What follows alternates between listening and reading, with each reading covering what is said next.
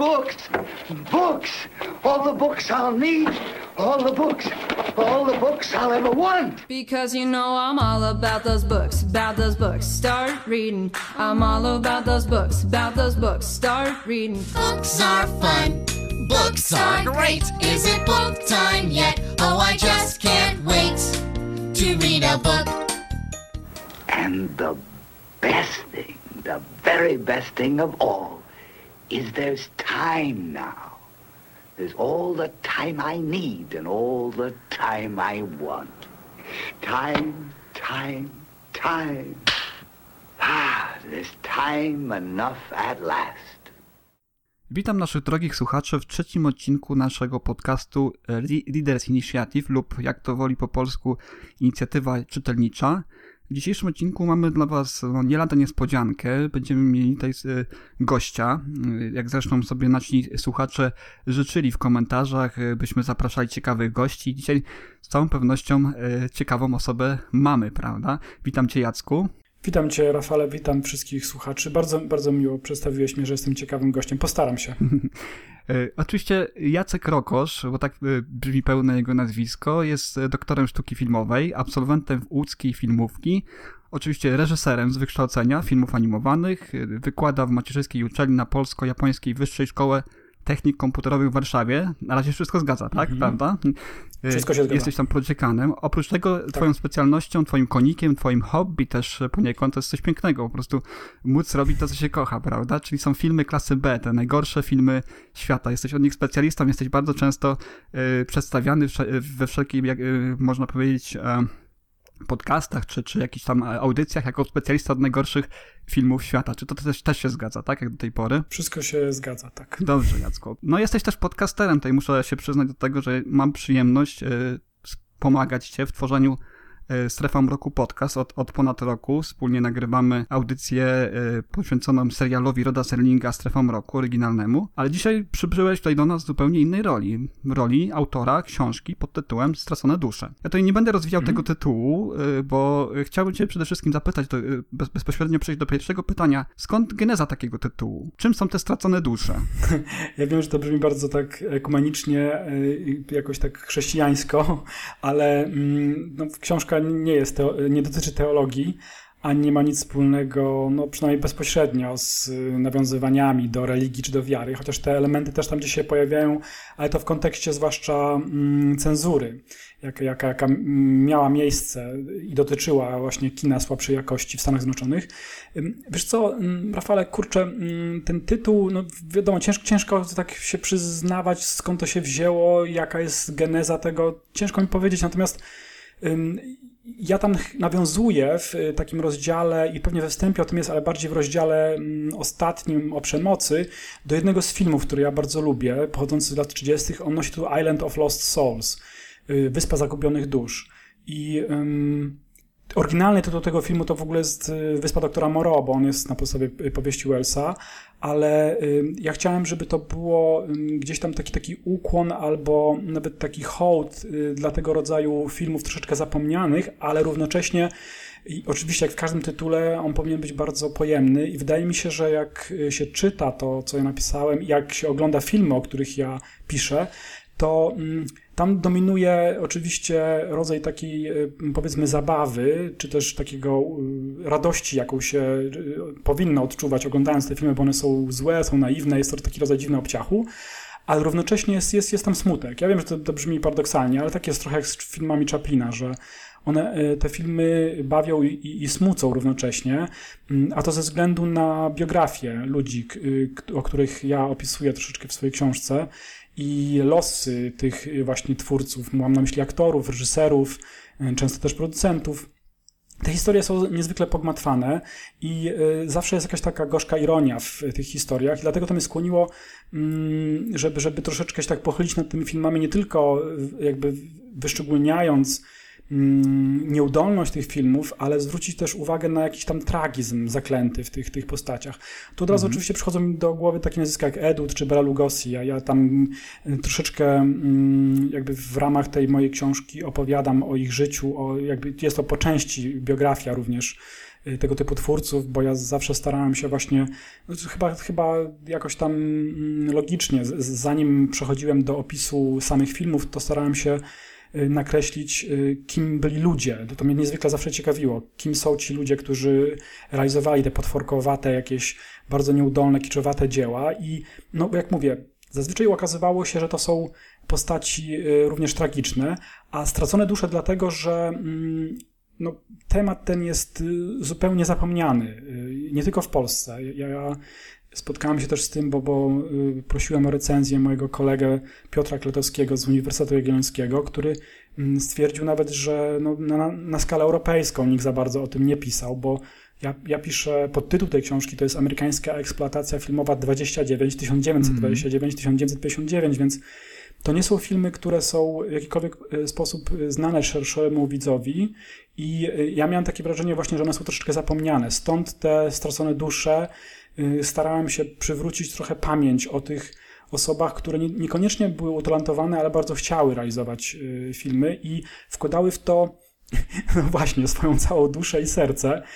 Tam jest taki też jeden z podrozdziałów y, opis, opisujący rodzaj dystrybucji tych filmów. Mm -hmm, tak. no, i, no i to były też y, pełne uroku, przygody, mm, coś, co pewnie tobie się może spodobać, bo one gdzieś tam nawiązują nawet do takiej tradycji Dzikiego Zachodu. To w jaki sposób ci road showmeni, czyli ci showmeni, no nie wiem, showmeni drogi, showmeni objazdowi bardziej, prezentowali te filmy. To są takie często właśnie smutne, wzruszające i śmieszne historie, tak jak zresztą w życiu, stąd tytuł Stracone dusze.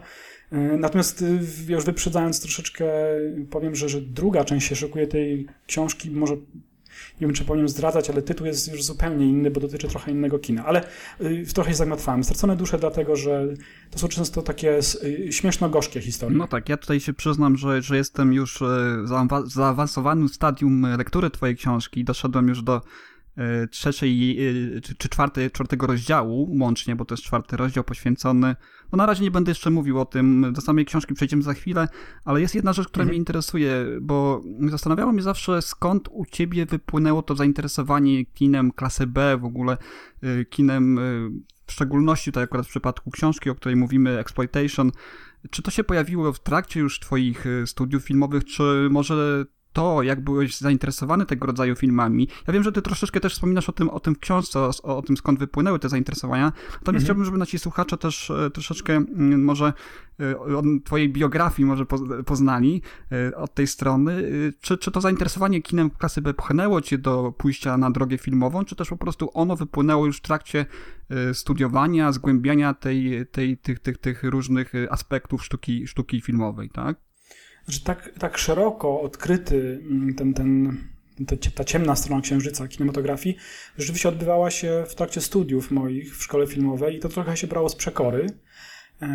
No bo wiadomo, szkoła wyższa, nawet jeśli to jest uczelnia artystyczna, która no, daje pewien luz i, określa jakiś tam rodzaj bohemy artystycznej, no to jednak jest też y, szkołą czysto akademicką i myśmy byli na zajęciach typu historia filmu czy wiedza o filmie, kształtowani raczej przez dzieła klasyczne. No, I Visconti, Fellini, i Polański, z polskich reżyserów Haas, Kubrick oczywiście i wiele, wiele, wiele innych reżyserów. No, no oglądaliśmy się tego trochę. To oczywiście są wspaniałe filmy. Ja przyznać się muszę, wiem, że to czasami brzmi dziwnie, jak ja przedstawiam właśnie filmy Eduda i mówię, że je kocham, a na przykład Kletowski powiedział o mnie, że jestem wiernym e, właśnie zakonu Eduda w Polsce, należę do takiego zakonu i to trochę dziwnie brzmi, ale ja naprawdę też uwielbiam Kubricka i bardzo cenię sobie tego reżysera, jakby na drugą nóżkę. E, I kurczę, znaczy w, trakcie, w trakcie studiów to rzeczywiście wzięło się troszeczkę z takiej przekory, żeby odkryć coś, co y, jest niepoznane i mm, zaglądnąłem trochę pod taką kurtynę właśnie tych, czy zajrzałem pod, zajrzałem pod kamień y, i zobaczyłem, że tam mieści się nie tylko jeden reżyser i nie jeden, jeden film, ale wiele zjawisk i to mnie zupełnie zafascynowało ale chyba gdzieś tak od dzieciństwa. Ja strasznie lubiłem mm, takie pokrętne jakieś filmowe atrakcje. Ja pamiętam, jak pierwszy raz zobaczyłem oryginalny oryginalną wersję Nocy Żywych Trupów George'a Romero. To jeszcze było gdzieś tam w szkole średniej. No i gdzieś tam szczęka mi opadła, bo, bo mm, zazwyczaj się oglądało te filmy mainstreamowe, gdzieś tam jeszcze z dzieciństwa, mam tu na myśli takie chłopięce jakieś zainteresowania typu Rambo, typu Rocky, jakieś science fiction filmy typu Terminator. No, to były mimo wszystko filmy dobrze poukładane, dobrze zrealizowane i czuliśmy się gdzieś tam bezpiecznie w rękach rzemieślników, tudzież artystów. A takie filmy, kiedy ja pierwszy raz je gdzieś tam właśnie jeszcze przechodząc z dzieciństwa i wchodząc do, do wieku dorosłego oglądałem, to nie przygotowują widza. One są zupełnie nieprzewidywalne. O ile Hitchcock właśnie jest mistrzem i nawet jeśli u niego są elementy, które wskazują na to, że to ten film będzie skręcał jakieś dziwne regiony, no to mimo wszystko ten suspens jest tam widoczny i można sobie to jakoś czuć, się w miarę bezpiecznym. Natomiast właśnie w takich filmach jak Noc żywych trupów, y, który nie jest złym filmem według mnie, to jest jeden z najważniejszych, uważam, filmów amerykańskich XX wieku. No ale wiesz, no, przy, przygotowujesz się na horror, y, nie wiem, miałem tam 13 lat, jak to oglądałem i będziesz się zastanawiał, o, to będzie film o zombie. I nagle w połowie filmu widzisz, że tam zwykli ludzie, wcale nie wyglądający jak, jak upiory, tylko jak sąsiedzi twoi, zaczynają pożerać y, wnętrzności swoich ofiar, jelita, tam kości obgryzają. No, to gdzieś tam pewnie, wiesz, idąc dalej Freudem czy Jungiem, to mnie pewnie trochę y, trzasnęło moją psychikę i tak gdzieś tam zafascynowały mnie te właśnie takie dziwaczne filmy, bo ja też o tym piszę trochę w książce. Mm, te filmy eksploatacji, czy w ogóle te kino słabszej jakości realizowane poza faktyczną kontrolą jakiegokolwiek studia filmowego, większego, nie musiało na jakimś tam poziomie martwić się tym, że coś schrzanią albo że posuną się za daleko. Wręcz przeciwnie. Oni, y, ci reżyserzy i producenci y, starali się szokować widownię, a nic tak nie szokuje na ekranie jak przemoc i seks. Więc y, no, zwyczajnie gdzieś tam perwersyjnie mogę powiedzieć, że mnie to jara, że, że bardzo lubię tego rodzaju filmy oglądać. No a później się to stało troszeczkę tak, gdzieś tam właśnie pod koniec studiowania, że, że od tej fascynacji od tego takiego oglądania z wypiekami na oczach, ja zacząłem to analizować, porównywać, czytać o tym i okazało się, że to jest też dosyć fascynujące, przynajmniej dla mnie osobiście, że poza tymi emocjami w tym wszystkim jest y, może nie jakaś głębsza myśl, ale jest jakaś konwencja, jest jakiś schemat, jest kawał historii w tym, właśnie takiej historii trochę nieopowiedzianej. Mm, to jest y, troszeczkę tak jakby, no wiesz, są sporty jakieś, które są sportami zawodowymi, mhm. no i obok tego gdzieś tam nielegalnie robione są jakieś, jakieś bardzo ekstremalne y, fizyczne ćwiczenia, które, które gdzieś tam amatorsko są przez kogoś kręcone i potem oglądane. No, w tym wszystkim jest rodzaj, jak mówię, dziwnego, dziwnej perwersji, pewnie i masochizmu, no bo, no bo trzeba mieć troszeczkę um, troszeczkę wytrzymałości, żeby te filmy oglądać. Na szczęście te filmy, które ja opisuję, one zazwyczaj trwały godzinę z hakiem, godzinę 10, czasami nawet mniej niż godzinę. Ja wiem, że ty też jesteś przynajmniej po jednym seansie y, filmu, który ja opisuję w książce. Tak, więc... i zamiarem y, kolejnych seansów. Jest to, Jacku, wspomniałeś o tym, że, że ty z wypiekami, z wypiekami hmm. na twarzy śledziłeś właśnie te filmy, poznawałeś je, a ja muszę powiedzieć, że, że ja czytam z wypiekami i tu w ogóle bez żadnego kumoterstwa, bez, bez, bez, bez, bez lania miodu, z wypiekami na twarzy czytam miło. E, twoją książkę. E, przede wszystkim e, dla mnie to był duży szok. Ja, ja mimo, że znam ciebie już o tyle i już tyle dyskusji wspólnych mhm. prowadziliśmy w ramach podcastu Strefa Mroku, ja mimo wszystko spodziewałem się, że to będzie praca bardziej analityczna, bardziej syntetyczna, zwłaszcza, że jest to praca wydawana przez, przez mhm. wydawnictwo Biblioteki Państwowej Wyższej Szkoły filmowej, tak, w Łodzi filmowej teatralnej w Łodzi imienia Leona Schillera, tak? tak, tak. Że będzie to coś, coś do, skierowane bardziej do zamkniętego grona, do akademickiego grona, natomiast ty tutaj zawarłeś masę, masę wspaniałych historii, tak? Wspomniałeś tutaj właśnie o Berlim Lugosi, czy, czy o Edzie Woodzie, to są, to są postaci, postaci, można powiedzieć, ikoniczne dzisiaj już nie tylko dla, dla kina, prawda, klasy B, nie tylko dla kina exploitation, ale też dla kina po prostu, tak? I tutaj też y, bardzo fajnie też, tak na marginesie mówiąc, wypływa z tego, co, co czytam właśnie w Straconych Duszach, wypływa to, że to kino, mimo że, że tą drugą młodość, tak, jaką się im przypisuje dzisiaj, ono przeżywa troszeczkę tak jakby taki, e, no niechciany garbus kina, prawda? E, coś, z czego można się pośmiać, powytykać mm. palcami, niedoskonałości. Natomiast ja dzięki twojej książce dostrzegam tutaj pewne inne elementy zupełnie, że w tym czasie ten rodzaj kina, który, którego autorzy próbowali w sprytny, w niesamowicie sprytny, często zabawny wręcz sposób, tak jak czytam w tej, w tej książce, mm -hmm zabawny wręcz sposób obchodzić pewne ograniczenia, tak? Czy, czy wykorzystywać nawet y, ograniczenia, tak. nawet dla niektórych twórców te, te, te obostrzenia, tak? Cenzury, czy, czy różnych tam kodeksów, prawda? Które zostały prowadzone producenckich stały się trampoliną tak naprawdę do, do osiągnięcia, no, jeżeli nie kariery, jeżeli nie, nie kariery artystycznej, to, to, to yy, pewnych środków finansowych, wręcz tutaj coś takiego. I, i ja cały czas też, yy, tak jakby w moim odczuciu wrzucałem, jakimś takim moim przeświadczeniu wrzucałem właśnie kino exploitation, niezbyt słusznie podciągając y, pod tą etykietkę kino klasy B ogólnie, tak? Natomiast tutaj kino exploitation, yy, tak jak pięknie tutaj piszesz w tej swojej książce i, i bardzo, bardzo, bardzo fajnie, y, to jest coś szczególnego, coś, coś wyjątkowego, coś, co cechowało się konkretnymi, y, konkretnymi cechami, tak? I, i tego większość ludzi większość ludzi po prostu nie ma świadomości. Natomiast tytuł w, w, tej, w tej swojej książce, Straconych Duszach, bardzo fajnie, nie dość, że podajesz właśnie to, czym się to kino cechowało, to przytaczasz również takie bogate, plastyczne, można powiedzieć, tło społeczne, ekonomiczne nawet, można powiedzieć, bo to też czasy wielkiego kryzysu, mhm. prawda, historyczne przede wszystkim. Tak masa tutaj e, paru, paru e, takich rzeczy, znaczy masa rzeczy tutaj się składa na to, że, że daj, dostajemy taki kompletny e, kompletny obraz tej, tej epoki, można powiedzieć, nie tylko tego kina, tych pionierskich czasów kina, tak, wręcz można powiedzieć, Y, w połączeniu z taką historią, z taką y, gawędą, która trafia do osoby, no ja stawiam się właśnie po tej stronie tej widowni, po, po tej stronie czytelników, którzy są, no mimo tego, że mamy, mamy tam jakieś doświadczenie powiedzmy ze strefą roku i telewizją lat 50., to ja wciąż czuję się laikiem w tej, w tej, mhm. w tej kwestii i wydaje mi się, że książka, mimo tego, że wydana została sumptem tak jakby akademickim, ona wydaje mi się taką książką też z pogranicza wręcz y, albo dość nawet głęboko wchodzącą w sferę literatury popularno-naukowej w, w pewnym względzie i to mi się właśnie ciebie najbardziej podoba? Hmm. Wiesz co, mm, to powiem ci, z czego to może wynikać. Ja, mm, oprócz tego, że zawsze lubiłem historię, dużo czytam na ten temat, y, to dodatkowo jeszcze strasznie gdzieś tam, nie wiem, czy przyznasz mi rację, bo, bo, bo, bo my jesteśmy jakby z podobnego pokolenia i pewnie podobne mm, mamy doświadczenia z edukacją w naszych polskich szkołach. Ja miałem wrażenie gdzieś tam właśnie jak skończyłem szkołę średnią, że ta nauka y, powszechnej historii w polskich szkołach, przynajmniej wtedy, kiedy ja się uczyłem, jest strasznie suchą y, nauką, nie pokazującą, no pewnie na to nie ma czasu. Ja teraz oczywiście nie chcę oceniać całego systemu, tylko mówię o tym, co ja odkrywałem później, jak już po samej maturze, że, że to wszystko opiera się na datach, powstaniach i przede wszystkim na patrzeniu na, na polskie podwórko głównie, bez takiego szerokiego kontekstu, y, jak to wszystko ze sobą jest poskładane. Ja podam taki przykład. No, mamy, na, mamy na przykład, mamy, mamy powstanie styczniowe 1863, no i mamy ten obraz tego powstania, wiemy jak ono wyglądało, kosynierzy, te sprawy, no ale właśnie jak gdzieś tam kiedyś przeczytałem, że w tym samym roku, 1863, w Londynie otworzono metro.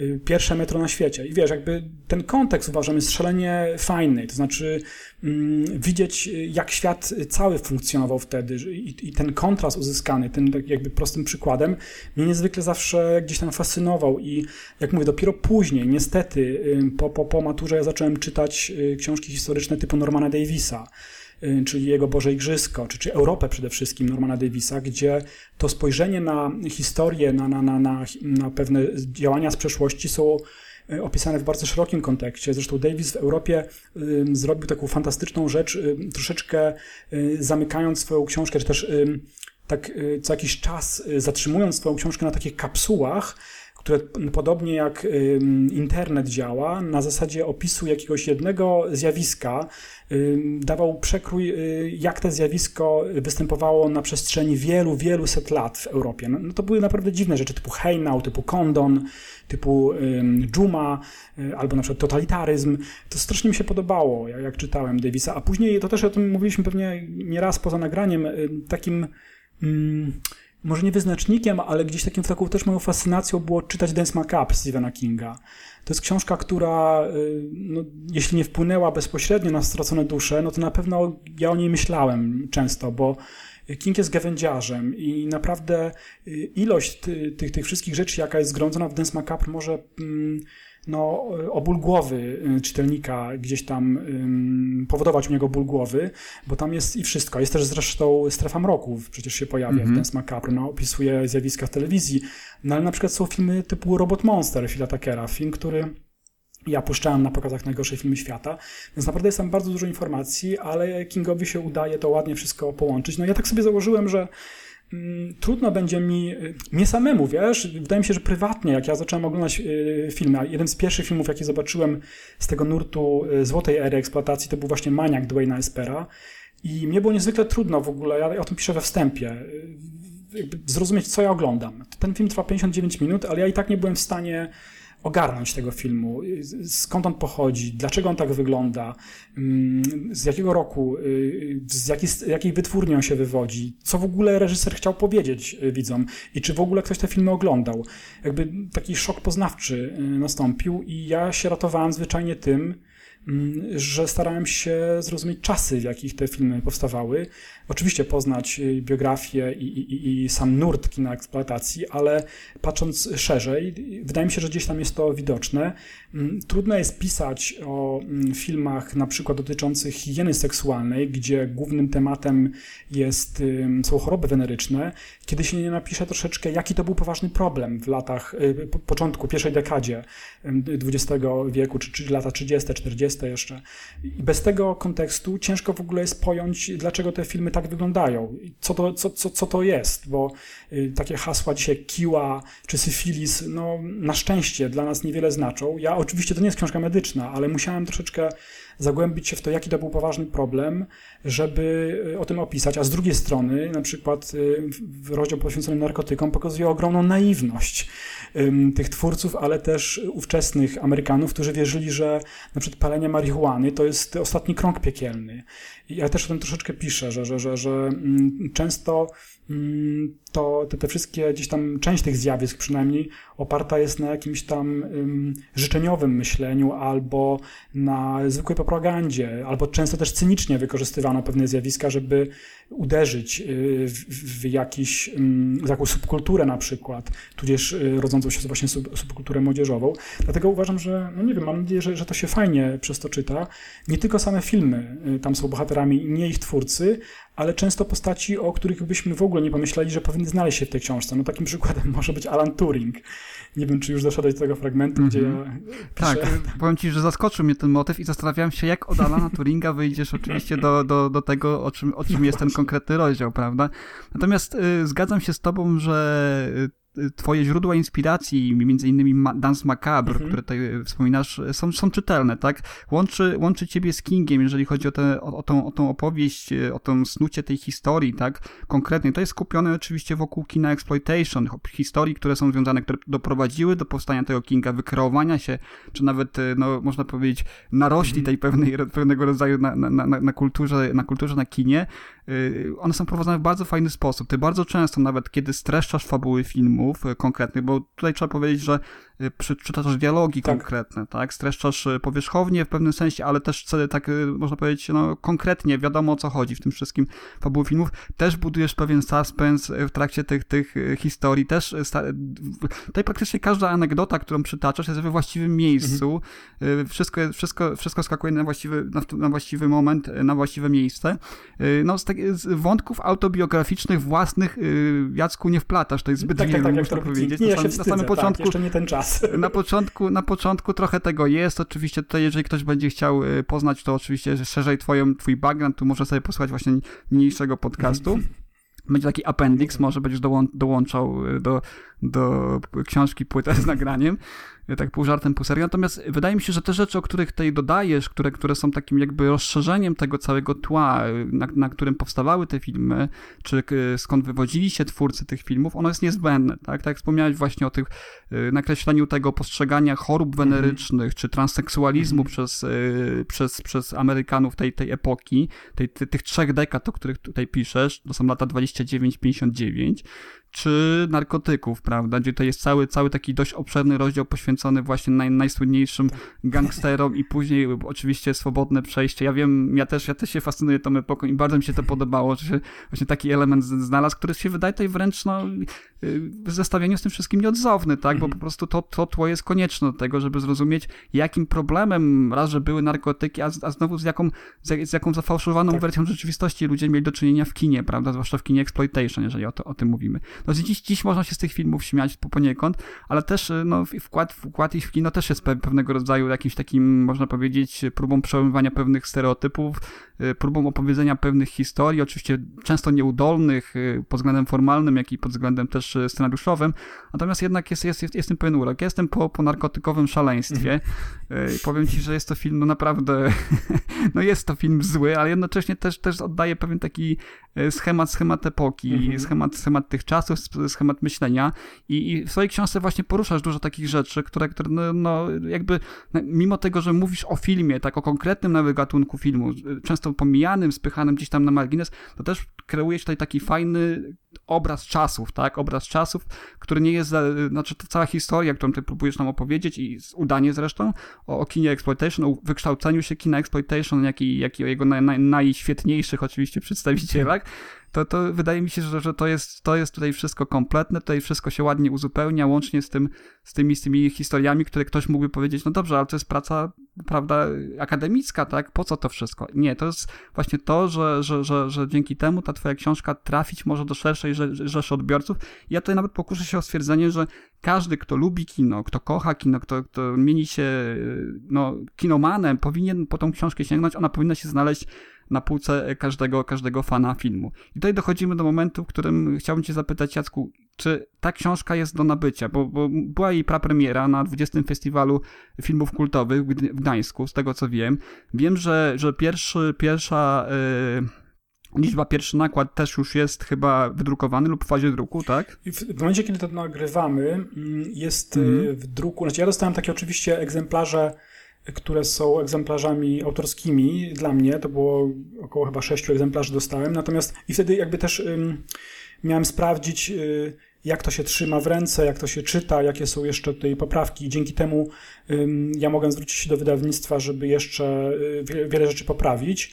Ym, łącznie z tym, że była ona też czytana na nowo przez panie z wydawnictwa. To jest bardzo, bardzo fajna rzecz to, w ogóle, jeśli, jeśli, bo jestem też debiutantem w tej roli, więc mm -hmm. jeśli tylko chcesz, to też chętnie opowiem, jakie są moje doświadczenia w, tym, w tej mierze. To, to jest bardzo miłe, ale jakby mhm. odpowiadając na pytanie, w momencie, kiedy to nagrywamy, książka jest y, w druku, mm, ona y, będzie prawdopodobnie w drugiej połowie lipca już do nabycia.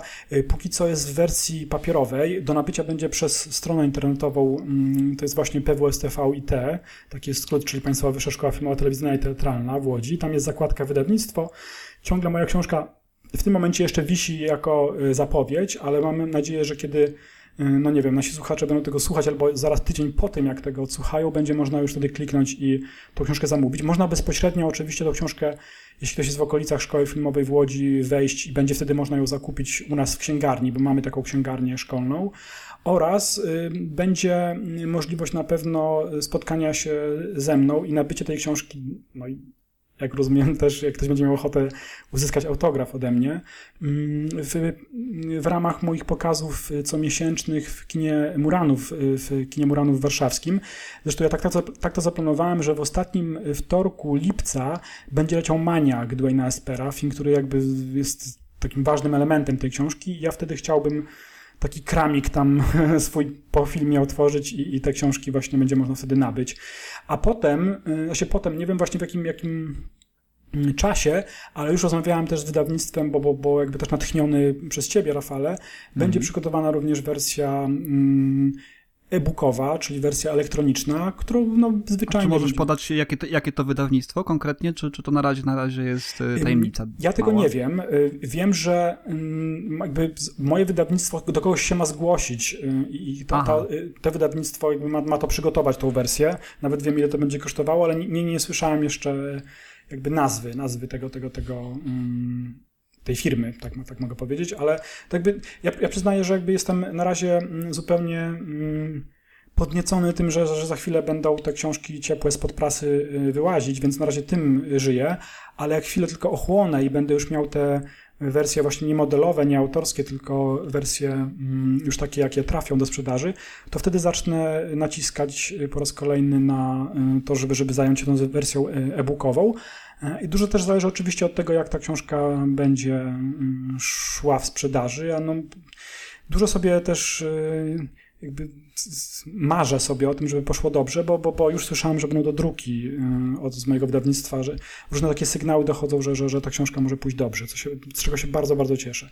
Mogę tylko też powiedzieć, że mm, pewnie już po tym, jak pójdzie to nagranie, to trochę w czasie y, przeszłym, będę, będę y, gościem w radiowej dwójce i będę mówił o tej książce i umawiam się również Kanal Plus, bo tam jakby jestem tak, tak, takim wzywaczem częstym do Kanal Plus i w ramach aktualności filmowych również będzie można zobaczyć, jak będę opowiadał książce i wtedy będzie na pewno można zobaczyć, bo będę miał ze sobą pewnie parę egzemplarzy w czasie nagrania tej, tej, tej, tej, tego programu, więc to pewnie też gdzieś jakoś można dać znać, kiedy to będzie. Tak, będziemy, będziemy trzymać rękę na pulsie, będziemy, no. będziemy informować naszych słuchaczy, Y, o tym, kiedy pojawi się wersja, zarówno w wersji papierowej, bo wiem, że ona też będzie wydana w dość dobrej jakości, prawda, mhm. o czym nie wspomniałem do tej pory, czyli, czyli to będzie y, sztywna oprawa, tak. czyli też będą kolorowe ilustracje w środku, tak, tak, tak jak tutaj, o, o czym też nie wspomniałem, y, Jacek tutaj okrasił książkę przykładami fotosów z filmów, mhm. zarówno jak, jak i też plakatów z epoki, które też są specyficzne, też, też charakterystyczne, też o tym bardzo fajnie Jacek pisze w książce, dlaczego i co się co się działo na tych plakatach. Tam, tam w niektórych przypadkach po prostu czysty komiks był na, na plakacie, który też, y, no jest masa, masa zabawnych historii. Nie chcę tutaj zdradzać, żeby, że tutaj naszym e, potencjalnym twoim przyszłym czytelnikom oczywiście nie psuć zabawy, bo to jest, tak dla mnie oczywiście, myślałem, że coś wiem o tym kinie tego okresu, natomiast okazało się, że wiem, że nic nie wiem, prawda? I się okazało, że tutaj masę ciekawostek, masę, masę przezabawnych rzeczy, masę smutnych również rzeczy, prawda? Zresztą nawiązując do tytułu, można znaleźć. Także będziemy oczywiście trzymać rękę, rękę na pulsie, będziemy informować y, naszych słuchaczy y, zarówno o Twoich występach, że mogli sobie posłuchać również Ciebie w dwójce, czy, czy, czy obejrzeć mhm. na kanale Plus ale jeszcze też no, będziemy, będziemy prosili naszych, naszych tutaj słuchaczy o feedback, tak? Czy, czy co myślicie o, o książce, czy, czy chcielibyście no, zapoznać się z tą, z tą lekturą, Y, żebyśmy mogli wam tutaj pomóc, ewentualnie Jacek, żeby mógł sobie jakąś tam w głowie ustalić jaką, jakąś, nie wiem, przybliżoną chociażby liczbę, liczbę potencjalnych nabywców, odbiorców. Ja, tak jak powiedziałem, zaręczam was, że jest to książka, którą, która mnie osobiście zaskoczyła, jako publikacja, publikacja wydana prze, przez, przez y, szkołę, tak, generalnie mhm. gdzieś tam, nie wiem, nie wiem dlaczego, skąd, skąd mi się to bierze, ale tego typu, tego rodzaju treści wydają mi się bardzo takie do zamkniętego obiegu, prawda, gdzieś tam yy, słyszy się przeważnie o tym, że jeżeli jakiś wykładowca wydaje książkę, książkę, tak, no to czytają ją no tak. tylko i z, i z przymusem jego, jego, jego, jego studenci. Natomiast ja tu nie widzę tego. To jest dla mnie książka, tak jak mówię, to jest dla mnie książka, która mocno wchodzi w rejony y, popularno-naukowe, czy popularno, nie wiem, historyczne nawet w pewnym względzie, która dostarcza masę zabawy, masę ciekawych informacji, jest świetnie wydana, tutaj pełen profesjonalizm i tutaj jednocześnie też chciałem zauważyć jedną kwestię. My z Jackiem śledzimy rynek, rynek e, książek mhm. tego rodzaju y, zachodni. Jest tego cała masa powstaje. Może, może nie jest, nie jest nieskupionych tutaj na kinie exploitation, tak jak Jacek powiedział, jest to, jest to też pozycja pod wieloma względami unikatowa również w, w, w, na, rynku, na rynku zachodnim. Natomiast jest dużo książek poświęconych konkretnym y, serialom, filmom, nurtom filmo, sztuki filmowej. Tego u nas w Polsce nie ma.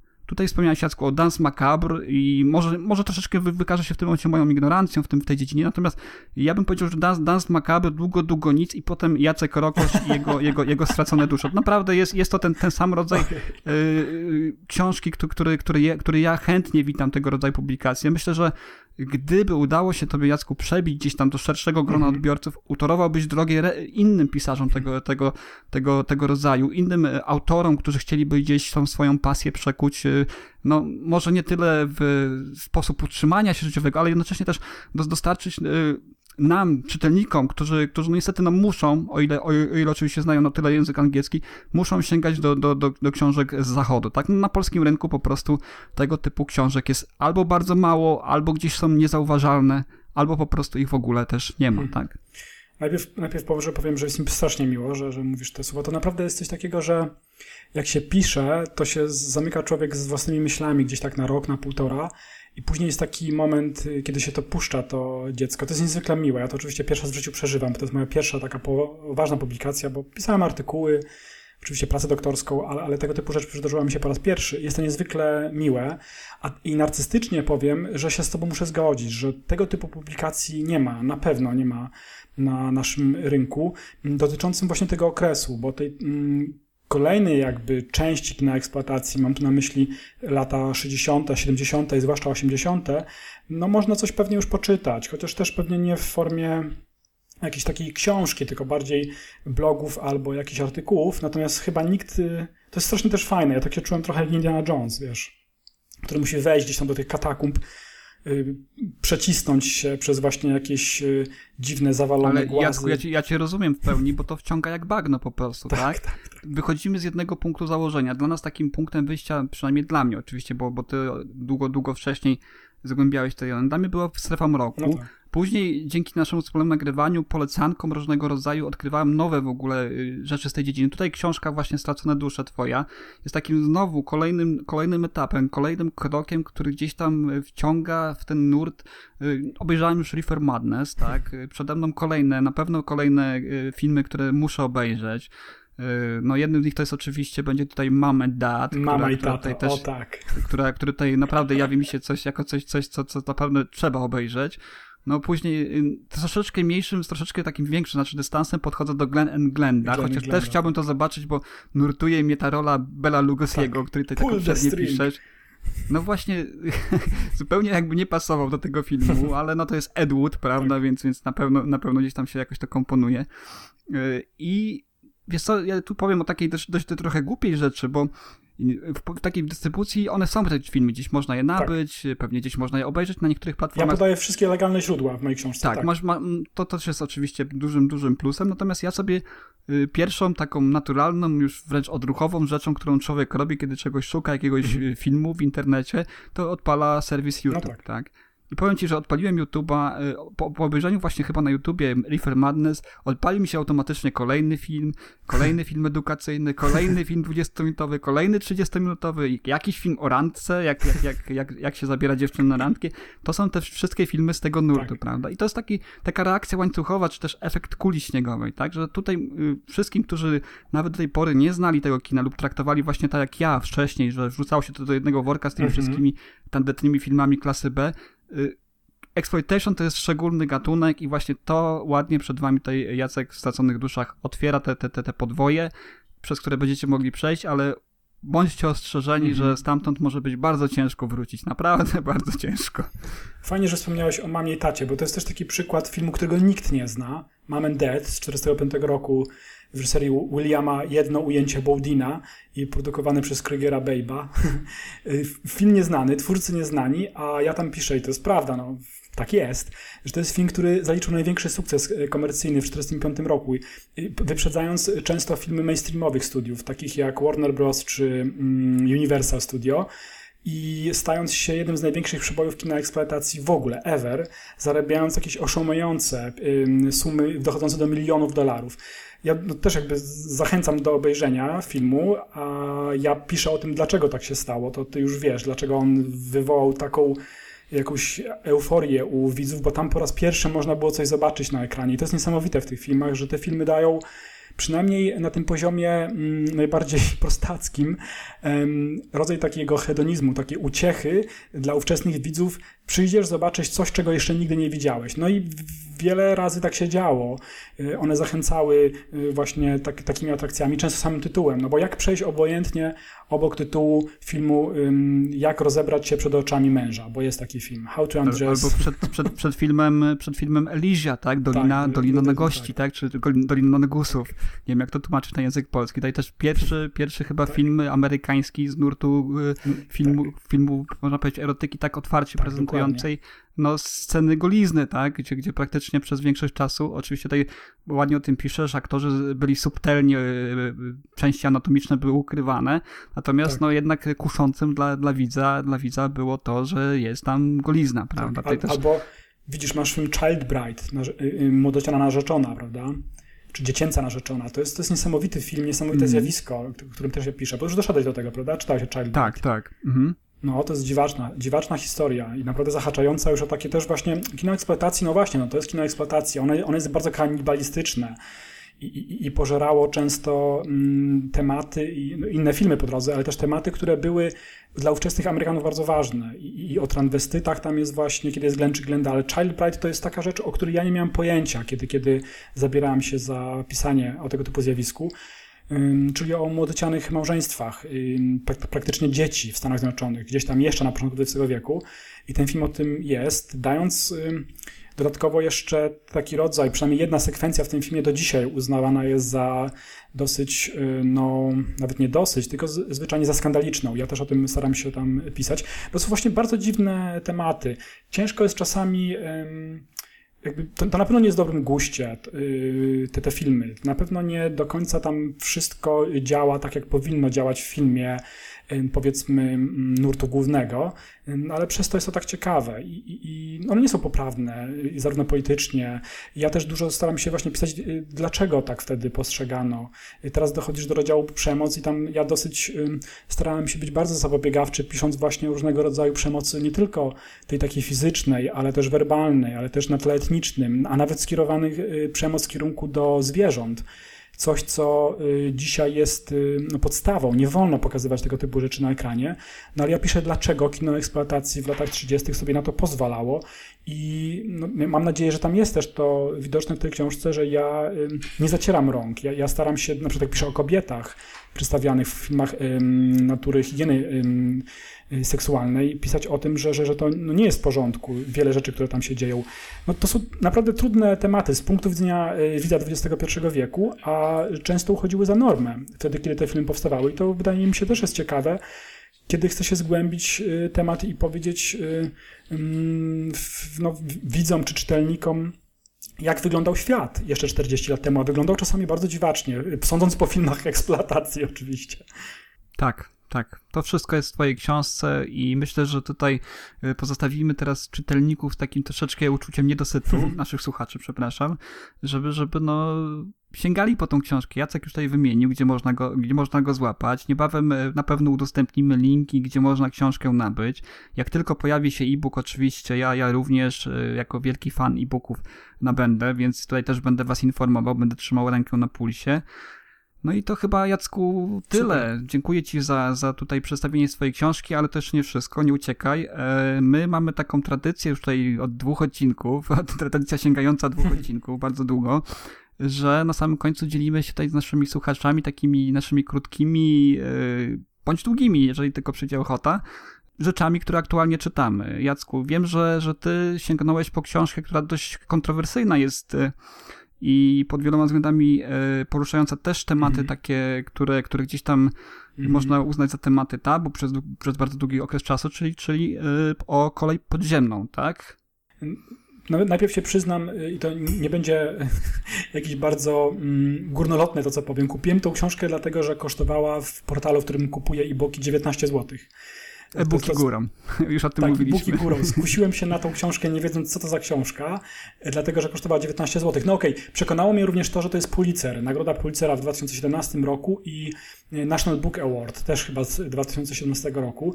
Mówimy tu o książce Colsona Whiteheada, Kolej podziemna, czarna krew e, Ameryki. Mm, ale te 19 zł i, i, i, to, co jakby na układce się pojawiło, czyli ten, ta, ta pieczęć y, nagrody Pulitzera, zupełnie mnie mm, jakby pochłonęło. To znaczy, mam na myśli to, że, że opłacało się wydać i wydałbym pewnie więcej, bo jest to jedna z lepszych książek, jakie czytałem w tym roku i pokuszę się o stwierdzenie, że jest to jedna z lepszych książek dotyczących e, tematu niewolnictwa. I co ciekawe, ta książka jest z takiego nurtu ciekawego, który anglosasi czy Amerykanie nazywają historical fiction.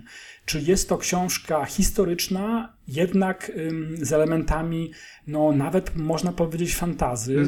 Mi się obiło uszy, że jest to książka z, z nurtu historia, historii alternatywnej. No tak, trochę tak. Znaczy, dla mnie niesamowite jest to, że ona y, w pierwszych rozdziałach opisuje historię bardzo realistyczną. Mamy tutaj do czynienia y, z y, okresem niewolnictwa, gdzieś tak w połowie XIX wieku na południe Stanów Zjednoczonych bo główną bohaterką jest Kora, dziewczyna, czy nawet na początku nawet dziewczynka, która jest chyba już z trzeciego pokolenia niewolników y, y, na plantacjach bawełny gdzieś tam w stanie Georgia.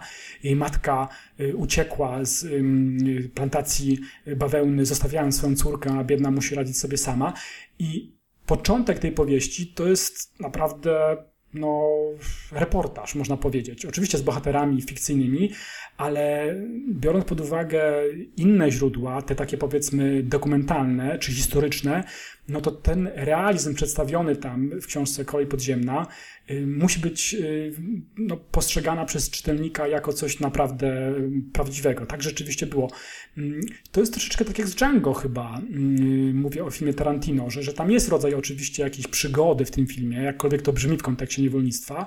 I tak samo jest w Kolei Podziemnej, no bo y, tutaj również odkrywamy skorą świat, bo ona również też ucieka z plantacji, właśnie prze prze, przesuwając się, czy też przejeżdżając przez różnego rodzaju miejsca na mapie Stanów Zjednoczonych, korzystając z kolei podziemnej, takiego dziwnego rodzaju metra y, podziemnego, coś właśnie fikcyjnego. I tam w ogóle jest dosyć, dosyć um, ciekawe to, że jeden z takich maszynistów kolei podziemnej mówi do Kory, że nasz kraj, USA, najlepiej jest zwiedzać z pociągu, tylko że y, ironia polega na tym, że kiedy Kora jeździ tą koleją podziemną, no to nic nie widzi. No po prostu tam jest ziemia, węgiel i to jest oczywiście też ironia. Y, więc są tu elementy, nie ma elementów nadprzyrodzonych, tu nie ma, nie ma diabłów, nie ma, to nie są amerykańscy bogowie.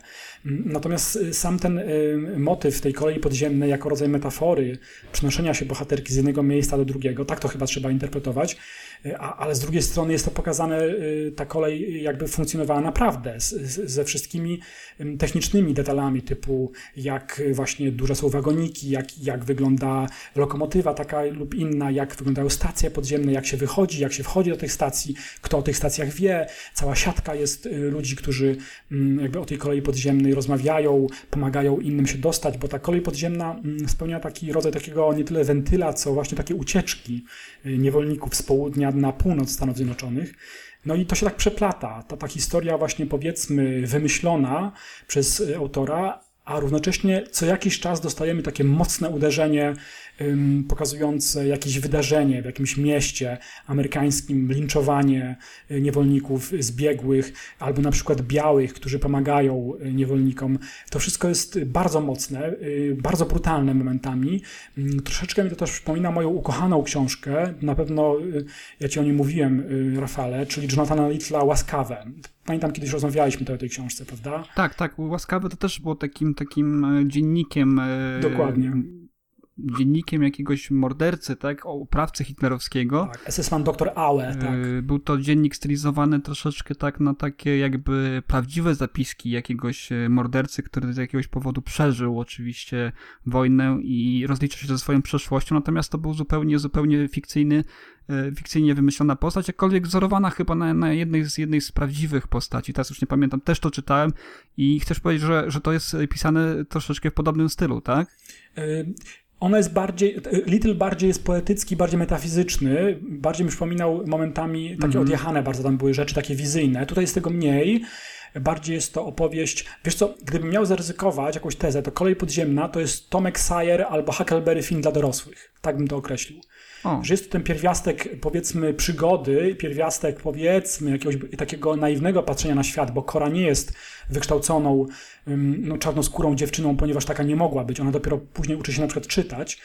I, i, I to y, bym tak, tak bym to określił, że to, że to jest y, Mark Twain y, współczesny dla dorosłych. Zresztą ja wiem, że ta powieść, no wiem, że to jest zabieg, zabieg taki powiedzmy czysto reklamowy, ale Ofra y, jest fanką tej, tej um, książki oraz Barack Obama.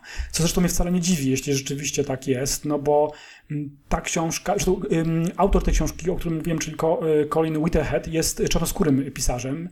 Nie wiem, czy to nie jest chyba pierwsza książka wydana jego w Polsce. Wiem, że napisał więcej y, książek. Nie wiem, jakie, jak, jakie są dominujące tematy w powieściach Colsona Whiteheada, ale na pewno jakby jest szczerość w tym wszystkim. To znaczy, zarówno to, co mówi, to, co przynajmniej słyszę po stronie reklamowej, że jest to książka ulubiona właśnie tych celebrytów, teraz można powiedzieć amerykańskich, czarnoskórych czy afroamerykańskich i że autor jest y, czarnoskórym y, pisarzem, to świadczy naprawdę o tym, że, że tutaj została przepracowana ta część historiograficzna, bo na przykład y, każdy z rozdziałów, to jest też wstrząsające, zaczyna się taką notką prasową zupełnie często niezwiązaną z główną fabułą, ale taka notka prasowa z epoki, która mówi o jakimś y, uciekinierze z plantacji. I wiesz, to, to brzmi naprawdę dziwacznie, tak jak właśnie te rzeczy, które ja często, często opisywałem w swojej książce. To znaczy, czytając y, materiały mm, z epoki, no czasami ci się jeżą y, włosy na głowie. Wiesz, tam na przykład jest napisane tak, że ym, w wieku takim i takim uciekła mi y, niewolnica, jest pyskata, nie należy z nią rozmawiać, jak najszybciej odesłać ją do mnie, jestem jej y, prawowitym abonamentem, wiesz, jakieś takie dziwaczne czasami sformułowania, które rzeczywiście y, wieją nam taką troszkę nowomową tamtych czasów i to się bardzo często przejawia w tej powieści, to znaczy mm, brutalność oraz swoboda, z jaką traktuje się czarnoskórych mm, Afro, Afrykanów wtedy, którzy przybyli do, y, oczywiście wbrew swojej woli, do, do Stanów Zjednoczonych. Jest to porażające. Naprawdę, y, tam na przykład jest takie sformułowanie też bardzo ładne. Y, nie wiem, czy sama bohaterka Kora, ale jakiś z czarnoskórych bohaterów mówi, że Biały Dom został zrobiony na krwi czarnych obywateli. Wiesz, to jest mocna rzecz. Biały Dom mam na myśli budynek że wszystko, co jest zniesione w Stanach Zjednoczonych, szkoły, szpitale, pomniki, y, użyteczność publiczna, szpitale, to wszystko zostało wyniesione na krwi czarnych niewolników, którzy zostali wbrew własnej woli sprowadzeni do Afryki i byli katowani. Y, za naj, naj, najdrobniejsze przewinienia. To też jest naprawdę porażające. Tam na przykład on pisze o różnego rodzaju znamionach, to w jaki sposób się prześcigali y, właściciele plantacji y, w znakowaniu swoich niewolników. Jak dobrze pamiętam, Kora ma gwiazdę na przykład na policzku, ktoś tam ma jakieś inne wypalone znamie. No wiesz, to, to, to naprawdę to jest szok, jak się czyta tą książkę. Mhm. A powiedz mi, czy tam autor, autor po prostu nie zahacza tak, w taką nad, nadmierną pompatyczność? Tutaj wspomniałeś, że to może być coś w stylu właśnie Marka Twaina, mhm. który, no jak wiem, on też nie przejmował e, polityczną poprawnością, bo prawdę powiedziawszy, no jako takie to to, to sformułowanie, to, to określenie nie istniało w jego czasach. Oczywiście poglądy Marka Twaina były, nie no były tak. jakieś tam radykalnie, powiedzmy, negatywne, które można było określić, jakkolwiek pewnego, pewnej nomenklatury się używało wtedy na co dzień i, i ona jakoś nie przeszkadzała, nie była postrzegana negatywnie, no, w sensie takim, jaki dzisiaj rozumiemy polityczną poprawność. Powiedz mi, czy, czy, czy ta książka nie jest też, nie wydaje ci, że ona może być zdominowana właśnie przez taki, taką próbę nadmiernego nadania tej e, historii, tej opowieści, tej, tej, tej tego, na czym bazuje ta opowieść, nadania jakiegoś takiego rodzaju manifestu y, tego, co się, co się działo y, z, no, z ludnością czarnoskórą w Ameryce w tamtym czasie.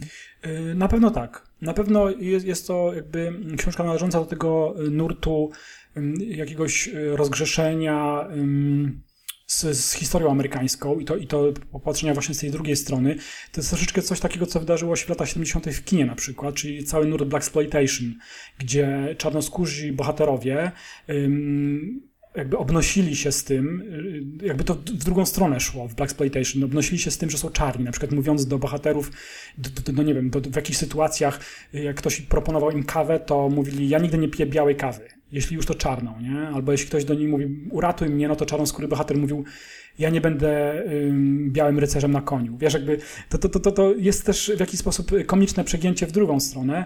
To ym, tutaj tego oczywiście nie ma, bo, bo Black Exploitation to jest jednak nurt eksploatacji, więc, więc tam wszystko było ym, bardzo wykrzywione i, i, i, tak jak z, w ogóle z kinem klasy B postawione na, na, na takie komiksowe wręcz zabiegi. To tutaj jednak mamy do czynienia z literaturą piękną, i ja tego nie odkrywałem czytając to, że, że, że tu jest, nie wiem, być może ja myślę w ten sposób, że y, tych książek jest ciągle mało tego typu i powinno one się pojawić w końcu. Y, trzeba o tym mówić, więc mi to za bardzo nie przeszkadzało, ale y, chyba na palcach jednej ręki rzeczywiście bym mógł tutaj wskazać tych białych Amerykanów, którzy są przedstawieni w, w tej książce dobrze. Być może dwóch bohaterów takich bym tu znalazł, a może nawet jednego. Że jednak tutaj jest jakby odwrotna sytuacja, y, że, że, że mm, biali są naprawdę, naprawdę źli. To, to jest jakby uosobienie zła tutaj. Są, są to ludzie, którzy nie wykazują się jakby ani intelektem, to, to są socjopaci, to są, to są sadyści, to są mordercy, gwałciciele. Rzeczywiście tak jest. Nie mnie osądzać, jaki był procent y, tych ludzi. Natomiast na pewno porażające jest to, jak w ten sposób myślano, bo y, on też o tym mówi. Y, nie wszyscy byli oczywiście sadystami, mówię o, o białych Amerykanach, ale było ogromne przyzwolenie na to. I, to jest fakt, że, że, że tego rodzaju lincze cieszyły się ogromnym przedpowodzeniem. I to do lat 50. To znaczy, były takie regiony, takie momenty, gdzie spędzano w jakieś wolne dni ludzi z kościoła, ze szkółki niedzielnej, żeby oglądać, y, w jaki sposób linczuje się domniemanych gwałcicieli czy też morderców y, afroamerykańskich. Ich y, torturowano, męczono, palono ich zwłoki. To są naprawdę opowieści straszliwe i to jest fakt. Tego, tego, o tym nie można zapomnieć i nie można zaprzeczyć, że tego typu rzeczy się działy. A tutaj mówimy, wiesz, o czasach XIX, XIX wieku, gdzie ten to, to jest pierwsza połowa musi być XIX wieku, czyli jeszcze istnieje niewolnictwo, to, to dopiero później się to za Lincolna, Abrahama Lincolna się zmieniło, więc, więc to jest początek XIX wieku, czy tam gdzieś przed 60 rokiem. W związku z tym ta, to, to jest prawdziwe jądro ciemności tutaj się jawi.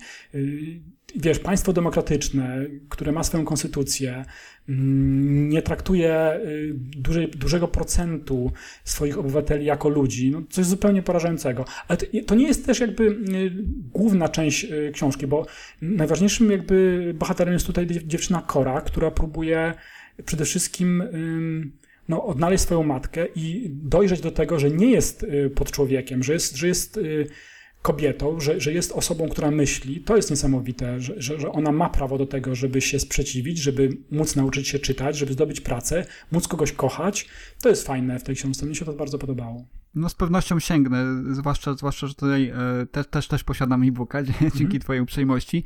Natomiast e, no, ja jeszcze tak króciutko na sam koniec chciałbym wspomnieć o książce, którą e, nie wiem, czy to mówiłem, pewnie wspominałem o tym kiedyś w, w którymś z nagrań, y, również tej naszych w inicjatywie, że, że rzadko czytam książki y, kilkukrotnie. Chciałem wspomnieć o książce, którą czytałem już trzeci raz, y, do której pałam takim jakby, nie wiem, no, trudnym mi do wytłumaczenia sentymentem.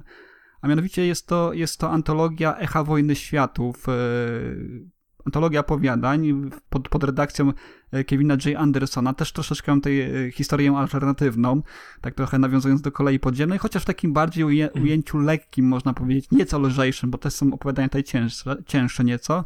Y, oprócz oczywiście Kevina J. Andersona piszą tutaj tacy pisarze znani z nurtu literatury science fiction jak Mike Resnick, Gregory Benford i David Brin, których bardzo, bardzo lubię.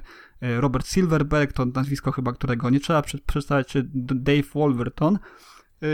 Co jest wyjątkowego w tej antologii, to to, że rozwijając koncept wojny światów, historii, którą, którą zrelacjonował, tak sobie tutaj twórcy przyjęli, zrelacjonował E, Herbert George Wells w Wojnie Światów, próbują przedstawić e, ten okres tej, tej inwazji Marsjan z punktu widzenia innych, e, innych znanych osobistości epoki, tak? I tutaj wcielając się na przykład w takie postaci jak Theodore Roosevelt, czy, czy Winston Churchill, Albert Einstein, Rudyard Kipling, Joseph Pulitzer, Lew Tolstoy, nawet jest Juliusz Verne, Howard Philip Lovecraft. Oczywiście oni stylizują swoje opowiadania na na styl y, pisania, czy, czy, czy styl y, narracji, którą, która jest znana z twórczości właśnie tych wymienionych tej y, pisarzy i z tego, w jakim miejscu na świecie oni się akurat znaleźli, prawda, bo, bo mamy też tutaj Jacka Londona, który gdzieś tam w ostępach Alaski, tak, walczy z, ostatni, z ostatnimi Marsjanami, którzy przetrwali trochę dłużej, bo wiadomo, Mar Marsjan wybiła zaraza, tak, wybiły zarazki ziemskie, natomiast no, gdzieś tam w tych ostępach mroźnych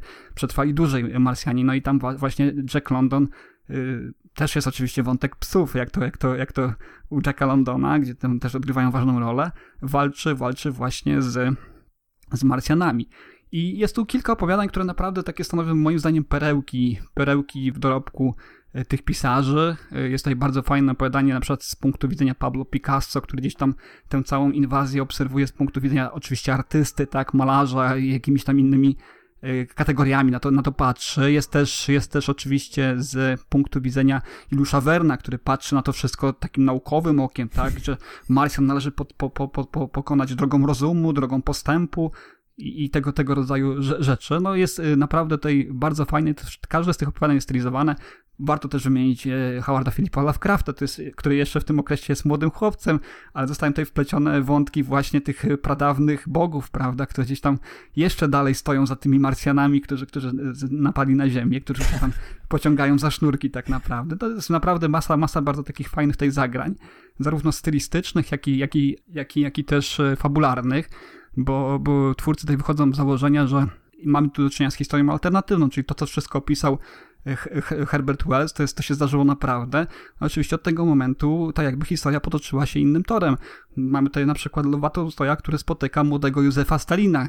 Razem są świadkami i walczą z Marsjanami, co doprowadza tak jakby do tego, że tak naprawdę rewolucja i, i ten cały postęp, postęp, wiadomo, komunistyczny nas nie następuje w takiej formie, w jakiej go my znamy, tak?